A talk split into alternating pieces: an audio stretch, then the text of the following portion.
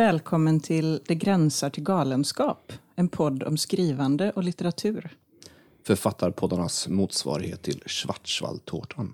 Jag heter Elin Bårdy. Och jag heter Jessica Schiefauer. Jag heter Martin Engberg. Och jag heter Mattias Hagberg. Och eh, detta är alltså första avsnittet av Det gränsar till galenskap. Och vad är då det här för en poddserie? Jo, man kanske kan säga så här. Att det ska handla om litteratur och skrivande i en väldigt vid bemärkelse. Och om man ska vara lite högtidlig så kan man säga att det är en serie om ett läsande och skrivande liv präglat av, ja, kanske just galenskap. Eller åtminstone någonting som gränsar till galenskap. För det finns ju något nästan besatt i författarskapet, något som får en att ständigt återvända till skrivandet, till böckerna, till att varje dag försöka nagla fast något i skrift. Eller vad säger du, Elin? Finns det ett mått av besatthet i författandet? Absolut. Jag har ju inte en slump så har jag döpt min numera tämligen vilande blogg till just besattheten. Eh, det är ju något som driver en och piskar en på något sätt. Piskaren? Ja, piskar en framåt in i skrivandet. Var det kommer ifrån, det vet jag inte. Det är väl en sorts besatthet, något man inte kan släppa. Ja, jag är helt övertygad om att vi i senare avsnitt kommer återvända till våran besatthet. Men idag så ska vi prata om någonting som man skulle kunna kalla fiktiva minnen. Och vad är då ett fiktivt minne?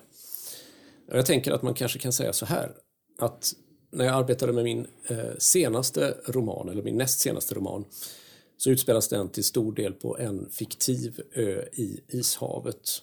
Eh, och några av de scenerna i den romanen ägnade jag väldigt mycket tid, framförallt några scener som utspelar sig i en prästgård som ligger på den här ön.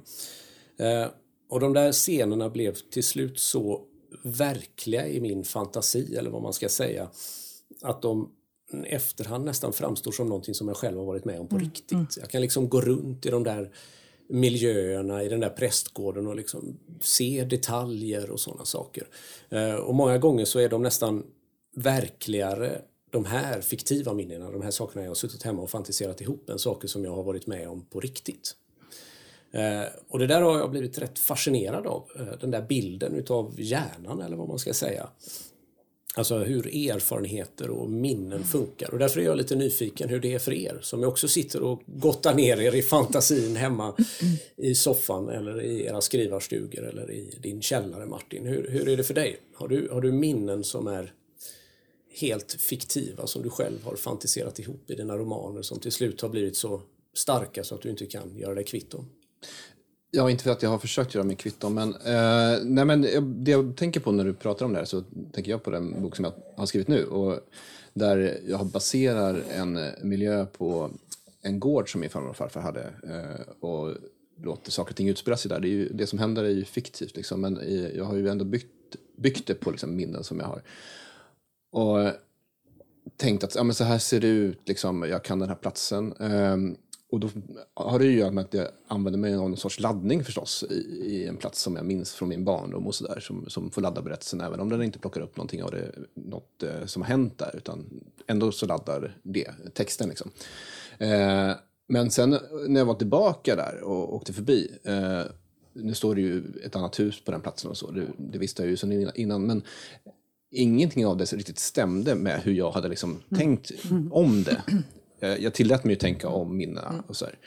Eh, men det var ganska stor skillnad på vissa saker som, som, eh, mellan hur jag liksom hade det i huvudet när jag skrev om det och hur det ser ut i verkligheten. Mm. Men för det undrar jag, om jag får fråga er, är liksom, hur mycket bygger ni på riktiga minnen när ni skriver? Liksom, hur plockar runt och sådär?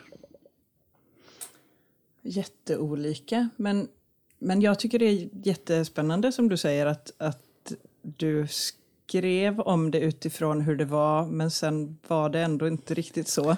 Alltså, Nej, vissa just... så här, för mig så här, avgörande saker, och det har ju att det är så här, vissa små saker som att ja, men där var det en kulle, och så var det inte det. Alltså lite ja, på den nivån. Ja, Men, men du hade ändå en bild utav att när du skrev att det var så som det hade sett ut och när du kom dit så blev du lite chockad nästan. Ja, men kanske inte så helt att jag var helt så här övertygad om att det var så. Men, men, jag, men jag tänkte att ja, men så här ser det ut. Liksom. Och sen, Men så, så stämmer det inte med proportionerna. Och det tror, tror jag förstås att göra med också att ja, men det jag baserade på var ju också liksom barndomsbilder som förstås har helt andra proportioner än, än verklighetens proportioner. Liksom. Allt var mycket mindre när du kom dit nu för att det var en barndoms... Ja, så kan man ju tänka. På ett ibland. sätt, men, men eh, inte mindre. Äh, Det, var något, det, är, det är något annat som är mer Ja. specifikt. Men det är ju någonting väldigt talande med den.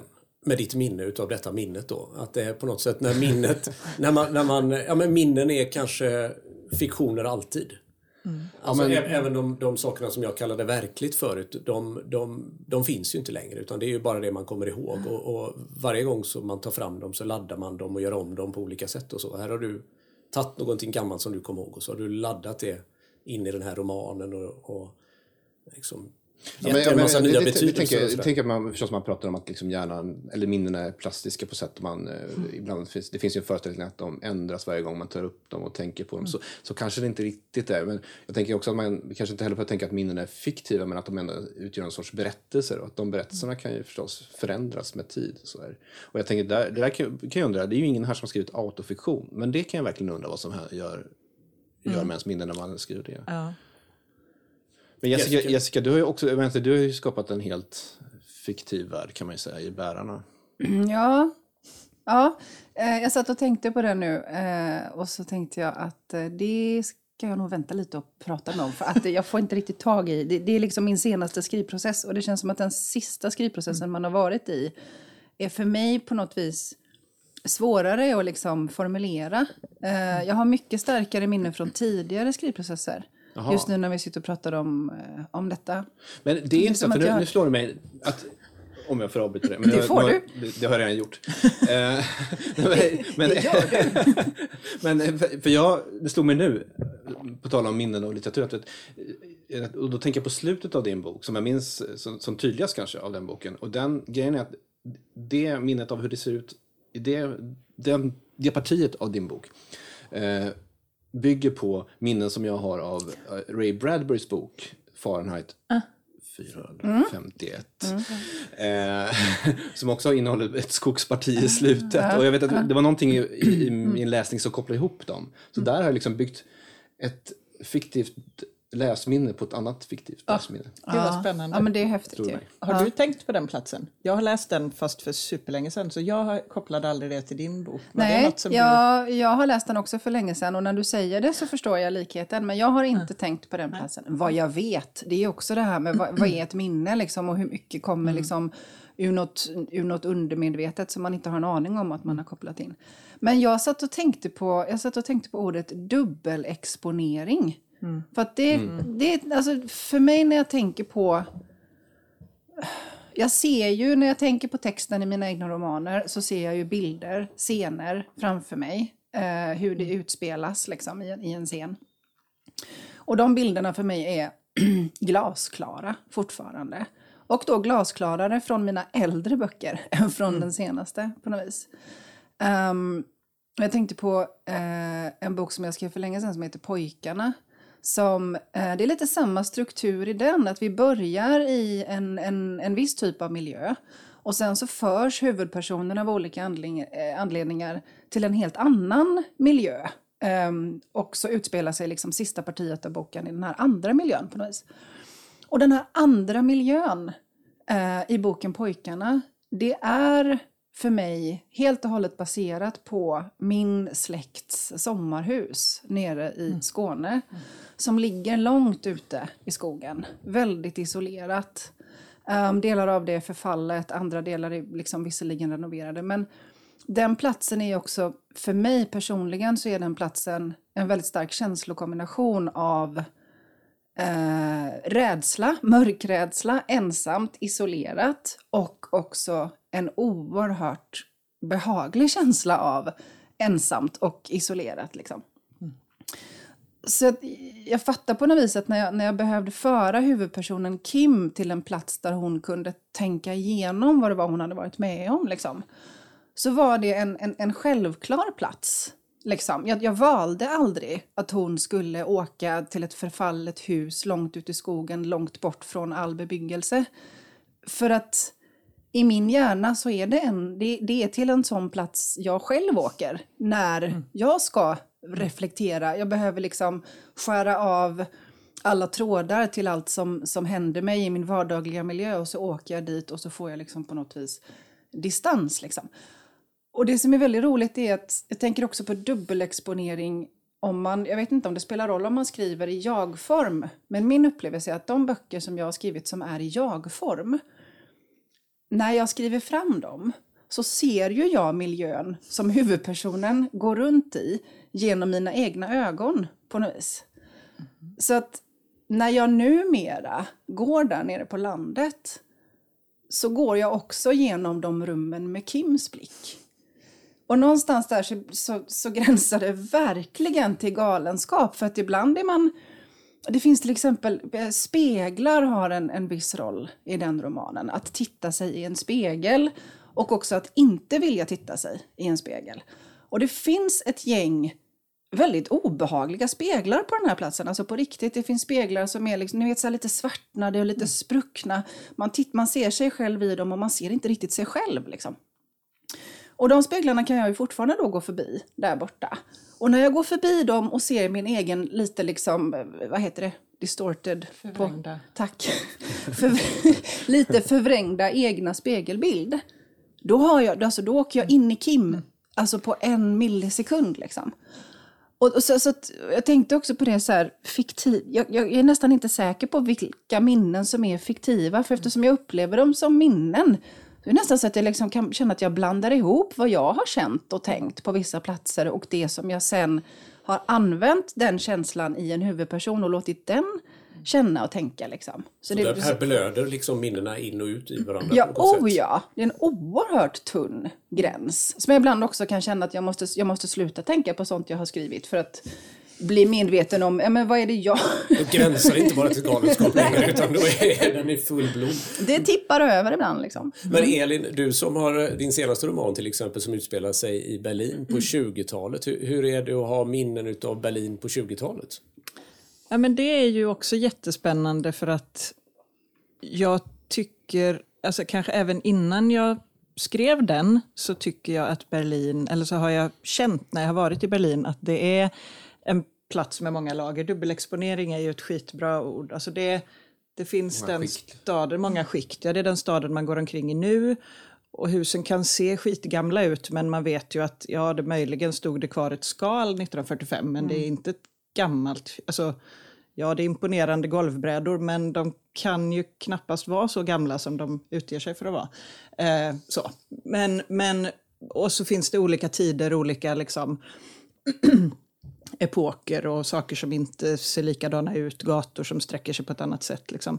Och sen placera min text där, min roman och mina personer liksom ger ju ytterligare ett lager liksom, till den här.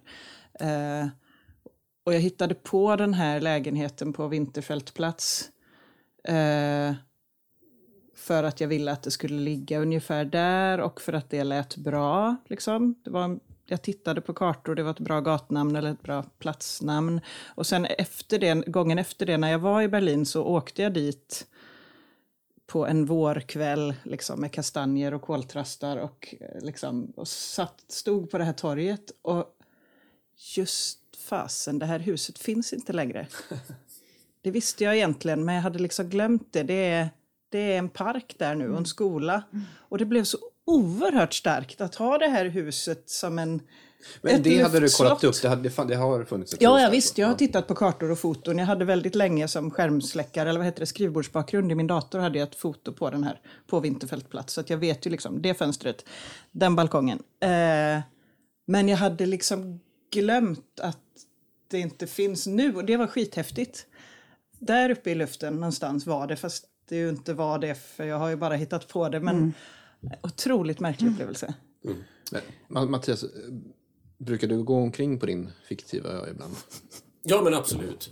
Det är, det är det jag kan göra i, i mitt minne. Liksom. Vid Att vilka, jag- att jag- när jag drar kan du dig tillbaka dit? Nej, men jag skulle kunna lägga, jag skulle kunna Alldeles blunda. nyss, tror jag. jag kan blunda nu liksom och så kan jag liksom tänka sig, ja men så går jag runt sjöborden där Mm. och så kommer jag upp dit upp för backen och så, och så står eh, Svenssons barn där och väntar liksom. Mm. Men man känner ju det. Det är ju jättestarka bilder i den boken på de platserna. Alltså, det är, jag blir inte förvånad att du har gått runt där så att säga mycket när Länge. du har skrivit länge och Det mycket. är en ganska liten plats. också. Ja, det är en liten plats, men det, det är ju jättestarka. Jag kan ju också nästan se det framför mig nu när vi pratar om det från när jag har läst din bok. Liksom. Så att, Men då hamnar vi i den spännande frågan om det är samma sak vi ser eller inte. Men det är ju någonting helt annat, fast det gränsar lite till, till en annan sak som jag tänker på. För det finns ju någon sorts sådär, du var lite inne på det Martin och du också Jessica, det här med att andra typer av böcker, alltså saker man har läst och som man har minnen utav, de glider ju också in i ens egna läsupplevelser eller, ens egen författarskap. Liksom sådär. Och jag glömde säga att den där eh, minnet som jag hade som var exponerat mot ett annat minne också exponerat mot en film som är filmatiseringen av Fahrenheit 451. Ja, och, Jag glömde bort den ja, men den dimensionen är ju, det är ju egentligen en annan fråga. Men just det där när man har läst en bok som man tyckte om och så ser man filmen och om det då liksom stämmer eller inte stämmer alls med det som man har föreställt sig. Liksom. Um, jo, jag, jag kom på att jag, jag vill nog, kan nog faktiskt säga en sak om de fiktiva minnena från min senaste roman som heter Bärarna. Ehm, den utspelar sig nämligen, eh, det utspelar sig i väldigt mycket i ett sorts hyreshus um, som är väldigt speciellt. Um, och det här hyreshuset, alltså förlagen till det här hyreshuset för mig är, är, är väldigt liksom faktisk och det är ett hus som heter Hundertwasserhaus som ligger i, eh, i Österrikes huvudstad Wien. Och det är byggt av en arkitekt på 70-talet som hette Friedrich Hundertwasser som var väldigt intresserad av hur människan skulle kunna leva med naturen i sin vardag. Och eh, det är fortfarande ett hyreshus där vanliga hyresgäster bor och har alltid så varit. Utanför så är det som en liksom, museikänsla för att man vill ju visa upp det här huset med den olikfärgade fasaden och träden som växer ut genom fönstren. Det är ett ashäftigt ställe. Ehm, så jag har aldrig varit inne där, för där bor det ju folk och man kan ju inte liksom ha turister som går in i folks lägenheter. Men jag har ju fyllt i hur det ser ut där inne. Så jag har ju väldigt svårt att acceptera att jag aldrig har varit inne i det riktiga Hundertwasserhaus, för det har jag. Eh, och nu känner jag väl liksom att skulle jag någon gång få möjlighet att gå in så är jag inte säker på att jag skulle vilja det. För att mitt minne, det som jag har byggt, liksom, det som jag har fantiserat ihop om hur det ser ut där inne och att leva där inne, det vill inte jag ha sönder. Det vill jag ha kvar. Liksom. Och om du fick chansen, hur skulle du göra? Skulle du gå in? Jag tror att jag, jag, skulle må, jag skulle ha en fruktansvärd brottning med mig själv när jag, om jag fick ett sånt erbjudande.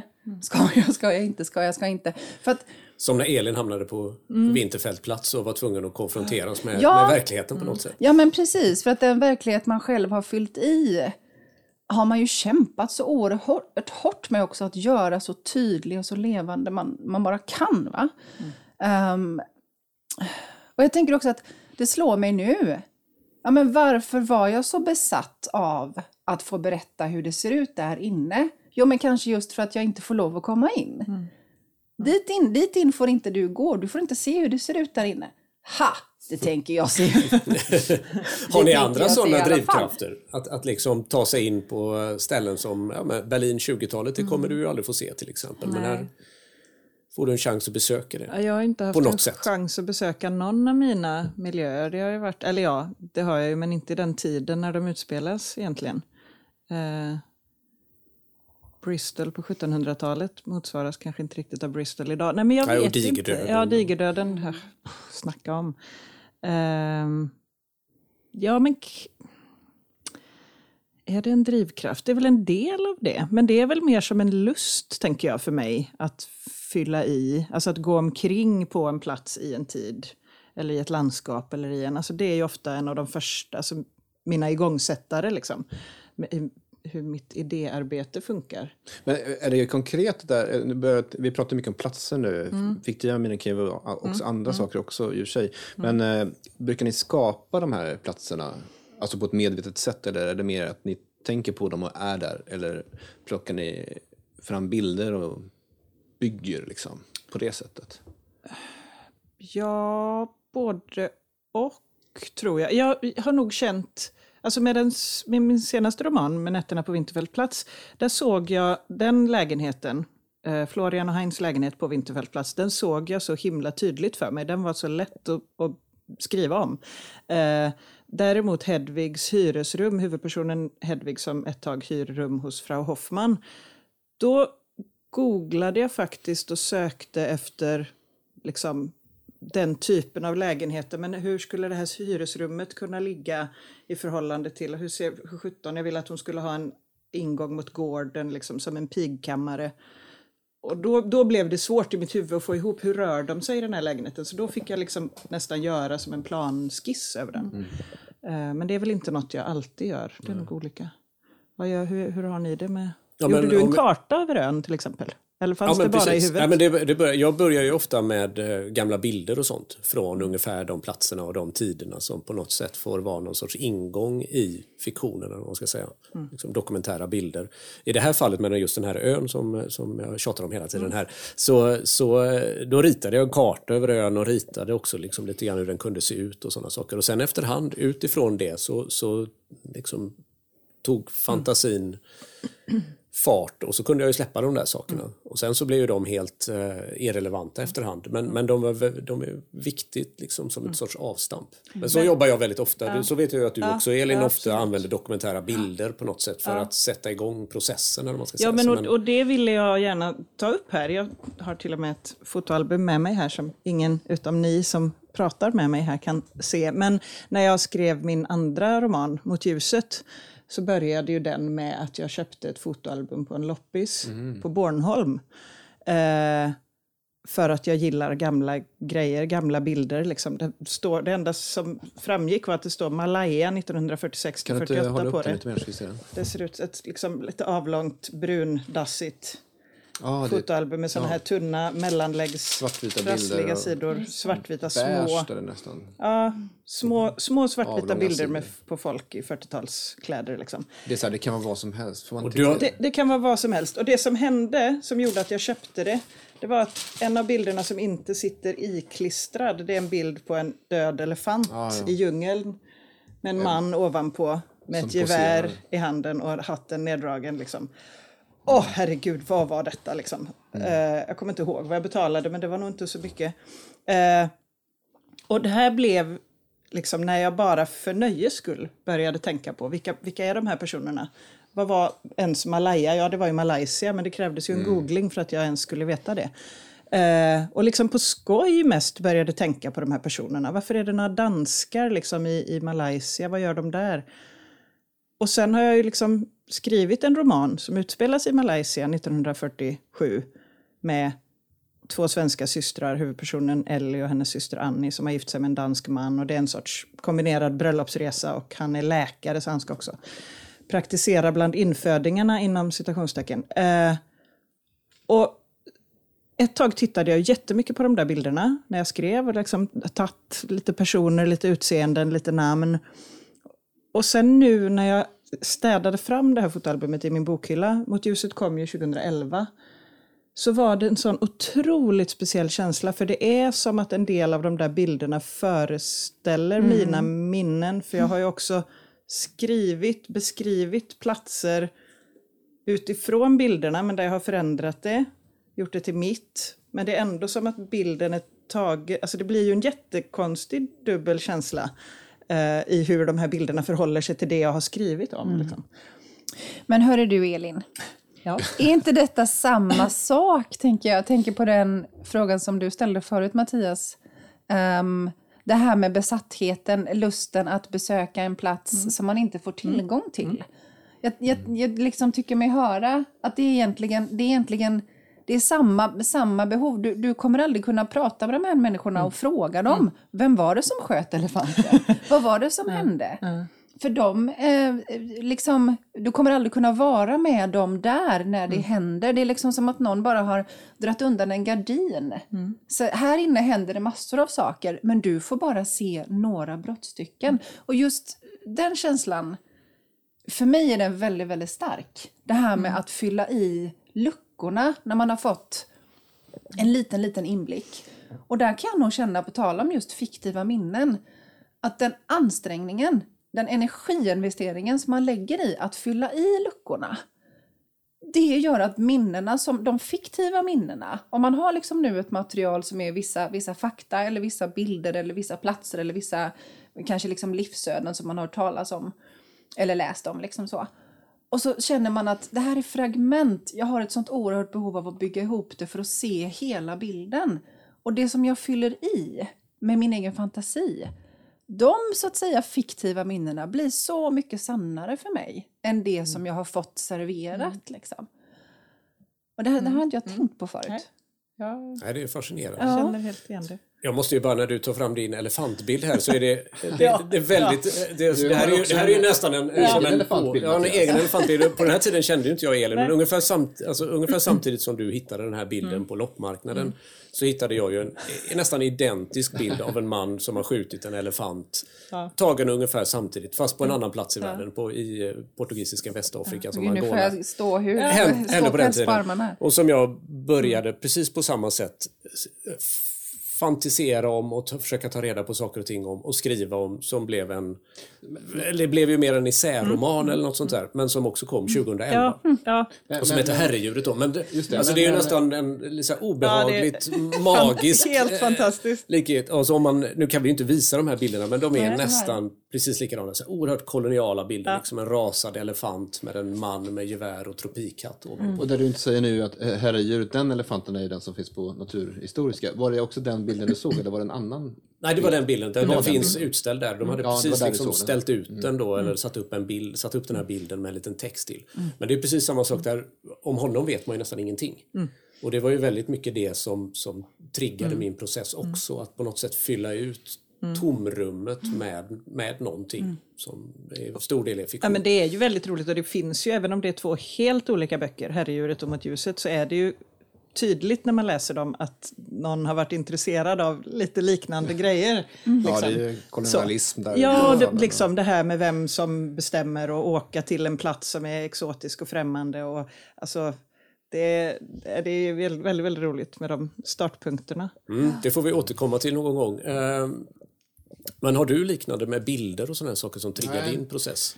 Jag använder det väldigt lite. Jag har försökt göra det. Jag har också köpt några gamla eh, svartvita foton. Det var en, ett parti i den roman som jag skrivit nu som heter Den röda pojken som ett har utspelat sig i Berlin eh, med det struket. Och då hade jag också några familjefoton foton där som jag använde ett, tag. Men däremot så, utan eh, jag har nog snarare behov av att liksom bara ja, men, att det får uppstå liksom, i tanken. Sådär, liksom. Men jag hade någon sån diskussion med, runt manus. Min, min mamma läste och så hade vi någon sån diskussion. Och så, här, ja, men han är i pannrummet som är rakt under pojkens rum. Jag får inte riktigt ihop det där. Så här. Men då, då var jag så här, jo, jo men det, det stämmer. Så då hade jag inte gjort någon planskrift, men i mitt hus så, så ja, men den här delen av huset ser ut så där. Och, mm. Mm. Den här delen ser ut så där. Så det, det kände jag ändå att jag hade koll på. Så valde jag att inte skissa upp det för, ifall om jag skulle ha fel också. Så. Ja, för det vill man inte riktigt konfrontera, det blir så besvärligt ja, då. nej, så nej. man säger så. Liksom. Nej, men just det att saker och ting... Grejen är att jag har, jag har en annan plats i den här manusrummen. Som den, den liksom lite egentligen, nu, nu säger jag bara det här till er, men den flyter liksom omkring lite grann om man ska vara helt ärlig. I vissa scener så är den en, har den en förebild, i en annan så har den en annan förebild. Gör ni så ibland? Man får ju göra det. Gör ni så ibland? Förstår ni vad jag menar? Nej, jag förstod inte riktigt faktiskt. Jo, jag Men förstår ni- precis vad du alltså, menar. Nu pratar vi inte med de här med dokumentära bilderna. Ja, det är jag, det är? Mattias och Elin då som står för de dokumentära bilderna och ni, ni utgår mer från er själva. Ja, precis. Vi sitter liksom, Mattias och Elin sitter mitt emot varandra. Så nu har vi liksom dragit en vallgrav mellan eh, Martin och Jessica och Mattias och Elin. Liksom. Nej, men jag, jag fattar precis. Jag fattar precis vad du menar. Eh, och jag tänker så här. Um, Eh, återgå till boken Pojkarna igen då. Där huvudpersonen Kim har ju sitt liksom, flickrum, sitt tonårsrum. Som hon kommer tillbaka till hela tiden. Och det är inte samma rum i min, i, i, för min inre blick i de olika scenerna när hon är i sitt tonårsrum. Ja, spännande.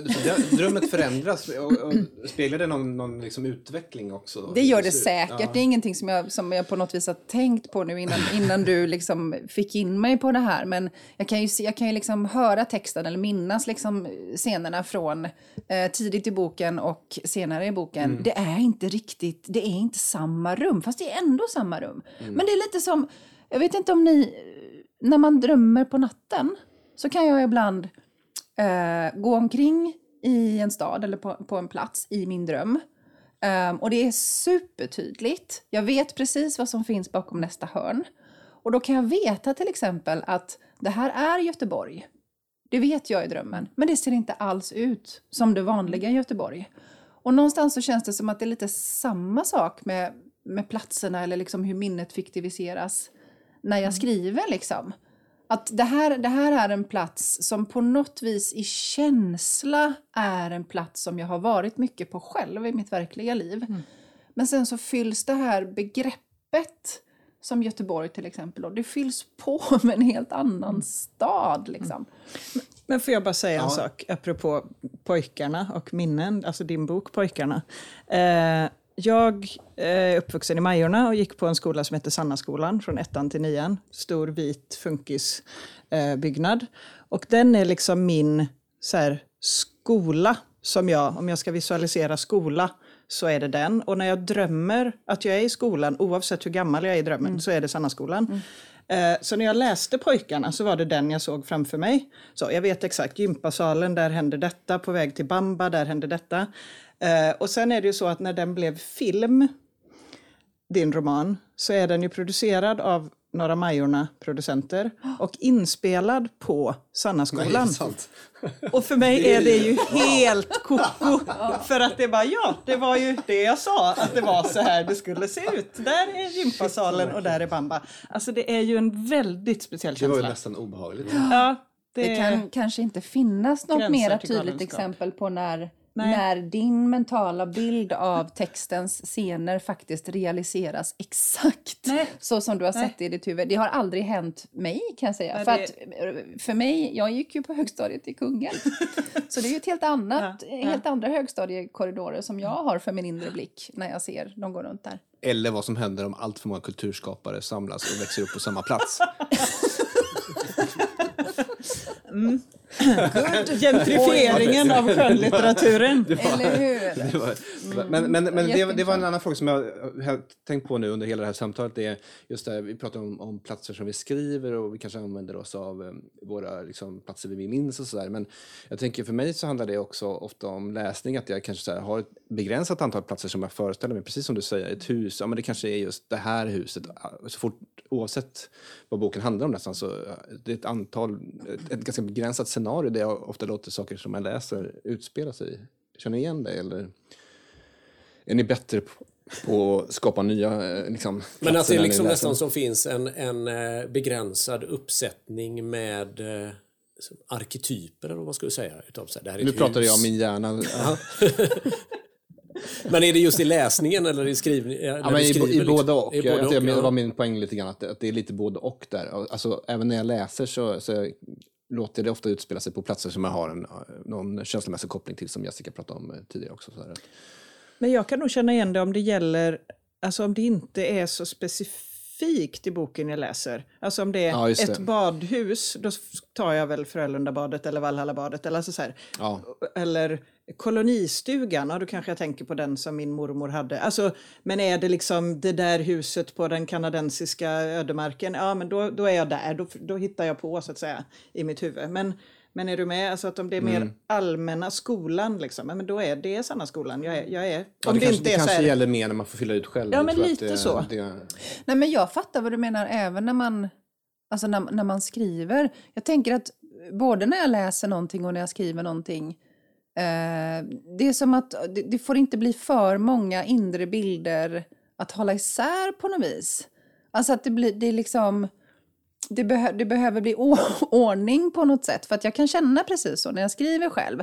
Så har jag ett antal miljöer som är liksom som någon sorts öar i någon, i någon ganska dimmig helhet. Liksom. Och så går jag tillbaka till de miljöerna. Och så händer det andra saker i de miljöerna nästa gång jag går dit och skriver en ny scen. Liksom. Men det, det är ändå liksom ett antal spelplatser, nästan som ett antal Ja, men som om man ska resa runt med en teaterföreställning så kan man inte ha med sig så mycket rekvisita. Så man får bygga sitt rum med minimal rekvisita på något vis. Och jag gör samma sak. Jag gör samma sak när jag läser. För det blir liksom för stor utmaning att föreställa sig. Särskilt om det finns ett antal miljöer som är ja, men inte jätteolika varandra. Men jag fyller nog i dem med samma. Liksom.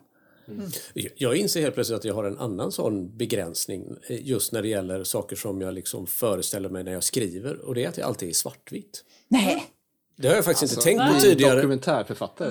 Men det är alltid, det är alltid svartvitt och det är ju böcker, böckerna jag skriver sen är ju också väldigt svartvita på något sätt. Liksom. Det är mycket, det är ofta mycket snö och mörka skogar och sådana saker. Men det är ju skitmärkligt egentligen, det har jag aldrig tänkt. Där har det, det, det är helt färglöst liksom. Nästa roman, färg! Men är, men är, herredjuret också, är herredjuret också svartvit? Ja, ja visst. Ah. Nej men det här måste jag säga. Gud vad spännande. För när jag läste din roman Mattias som heter Skallarna, den har visserligen ett svartvitt omslag. Ja det har ju flera av dem. Men, och jag har någonstans, alltså för mig är det en svartvit film. Ja. Jag ser en svartvit film. Sen så de partierna som är i nutid, de har en lätt sepia-toning. Så är det. Alltså när, när huvudpersonen, författaren, går runt i, i vår liksom, moderna verklighet, då är bilden lätt sepia-tonad. Möjligen kan det komma någon, någon otroligt blek grön nyans här och var. Men allt det som utspelar sig längre bak i tiden, det är svartvitt. Och det är inte bara svartvitt, det är dessutom grovkornigt. Det här, det, här är, det här är galenskap helt enkelt. Det är inte bara gränser längre. Men det är ju skitintressant. Jag skulle säga att här jobbar hjärnorna. Det är hjärnornas kamp här som jobbar med att... Nu dog Martin lite. Eh, men det är ju jättespännande. Nej men för, för att jag har ja, inte heller tänkt, för det är så självklart också. Ja. Och det är ju ashäftigt att du nu sitter och säger att det är så det ser ut i ditt huvud. Hur sker den kommunikationen? Genom orden? Men, har det, men det är ju förmodligen, det är förmodligen väldigt lite beskrivningar av saker ja, i färg och sånt ja, där då. det vill man ju genast gå tillbaka och titta på nu. Hur mycket färger finns det? Det är väldigt blekt och grått och mörkt och sådär. Ja. Liksom. I nästa avsnitt så ska vi ha bokcirkel. men jag måste ju också säga att jag ser det i, i, jag har inte tänkt på det, men jag ser det ju också i ganska svartvita mm. bilder. Mm. Gud vad intressant. Det här måste vi smälta. Ja, det här måste vi smälta. Ja, ska, vi av, ska vi börja runda av med bara en fundering kring om det finns liknande så här liksom starka minnen av saker man har läst? Ja, men då vill jag slänga ut en grej till er. Ja. För när jag tänkte på det här, liksom fiktiva minnen utifrån läsning, så gick jag tillbaka till min barndom. Mm. Eh, och då tänkte jag mat. Jag vet exakt jag vet exakt hur det gröna äpplet som Bastian Baltasar Bux äter på vinden i Den oändliga historien smakar. Jag vet exakt hur gröten i guldlock smakar. Den lite för varma, ganska lösa, lite som en blandning av havregrynsgröt och mannagrynsgröt. Jag vet exakt. Polly äter sylt om en liten grävlingsflicka som bestämmer sig för att bara äta sylt. Som enligt min mamma, hon fick läsa för mig typ hundra gånger. Jag vet exakt hur sylten smakar. Har ni, Martin räcker upp handen, varsågod. jag undrar bara, Elin, var du väldigt hungrig? Nej, jag undrade också över detta, men jag vill veta, är det fler som liksom känner igen det här? Fick Elin jag var, tillräckligt med mat som jag var kvar i, jag, jag var kvar i den orala fasen väldigt länge kanske. eh, jag tycker det var jätteintressant, eh, men eh, jag, jag har inget svar. Skeden i Mio min Mio som, man, som de äter på. Momo, eller Kampen om tiden, när hon kommer till Mäster Hora första gången och får varma rundstycken med smör och honung och varm choklad. Jag tror att detta är också någonting vi behöver återkomma till, helt klart. Liksom. Ja. Men det är ju som att jag har ätit allt detta. Det här är fiktiva minnen. Ja. Det, det, är liksom, jag kan inte säga att det var ord på papper, liksom, utan det var i min verklighet. Ja. Hörni, här, Gud, vad har, här har vi ett avsnitt till. Här har vi otroligt mycket att prata om. Gud vad spännande. Men ni, ingen nickar igenkännande så jag känner mig helt utanför i detta. Nej, Nej, inte maten så. Nej. nej. Gud, vad jag. Jag, jag tänkte inte Ja. att det handlade om mat, men jag tänkte... men, men, Jag, jag bara din fortsätter brist. tänka på, på det här med, med detaljer. Jag, jag, kan, ja, jag, jag måste tänka lite till. Ja, jag skulle vilja säga en sak. Nu, nu, jag vill säga en annan sak. Jag vill inte svara på frågan. Nej, men det Ehm, helt... Eh, Men det handlar också om, om, eh, om fiktiva minnen. För nu har vi pratat väldigt mycket om när man, när man skriver och det blir mycket platser, det som man liksom ser för sin inre blick. Men jag tror att min, mina starkaste fiktiva minnen, eh, det är känslor som jag har skrivit fram i mina karaktärer. Jag har till exempel aldrig någonsin slagit någon. Jag har aldrig någonsin utövat, nej i princip inte utövat våld överhuvudtaget. Liksom. Det Slog du inte din lilla syster? Vad väldigt menar lite. du? Jo, det kan nog ha hänt att jag har slagit min lilla syster. Det, okej, det kan vi väl kanske lämna. Förlåt. Mycket förvånande. Förlåt Frida, i efterhand. Nej, men jag, har liksom aldrig, jag har aldrig slagit någon på käften, jag har aldrig sparkat någon våldsamt. Eh, jag har heller aldrig liksom hävt ur mig enorma liksom, eh, svador av verbalt våld, liksom, okvädningsord och tillmälen. Liksom. Men ofta gör mina karaktärer det. Mina karaktärer utövar ibland väldigt grovt, både verbalt och fysiskt våld. Och de blir även utsatta för väldigt grovt verbalt och, och fysiskt våld. Eh, och det har väldigt, väldigt, det har liksom knappt hänt mig heller. Liksom. Men den känslan, både känslan av att av att gå över den gränsen och bli för våldsam, liksom begå ett övergrepp och att bli utsatt för det, den är, det känns som att det är min egen känsla. Det känns helt och hållet som ett eget personligt minne. Liksom. Men, men det tänker jag att man ofta gör i skrivandet, att man eh, tar en känsla och sen omvandlar man den till en konkret händelse. Alltså det kan, en inre upplevelse får bli liksom en scen, eller någon, alltså en upplevelse av att ha blivit ja, varit utsatt för någonting som inte var fysiskt kan bli en scen där en person blir utsatt för någonting fysiskt. Helt enkelt. Eh, För att det, mycket av det vi har pratat om idag också, handlar ju på ett sätt om det, en, fråga som man kan ställa om skrivandet är ju om, om eh, skrivandet kan skapa erfarenheter, om man i skrivandet kan skapa nya erfarenheter och så vidare. Mm, det, vill jag, det vill jag påstå. Och att det finns en, att det finns en liksom nästan magisk kraft i litteraturen om den här, den här erfarenheten som man har skrivit fram för sig själv också sen kan bli en erfarenhet för den som läser det som du har skrivit. Liksom. Fastän ingen av oss, varken avsändare eller mottagare, faktiskt i, i sitt eget verkliga liv har upplevt den här typen av, av situation. Liksom. Detta ska vi ju helt klart återkomma till också. Ja, oh ja. Vi skulle kunna prata hur länge som helst. Ja, jag tror det. Och jag tror att det är dags att runda av för den här gången. Eh, Och eh, så återkommer vi snart igen helt enkelt med Mer nya- galenskap. Mer galenskaper, mer Jag gränser tycker vi till har varit galenskap. ganska så ogalna.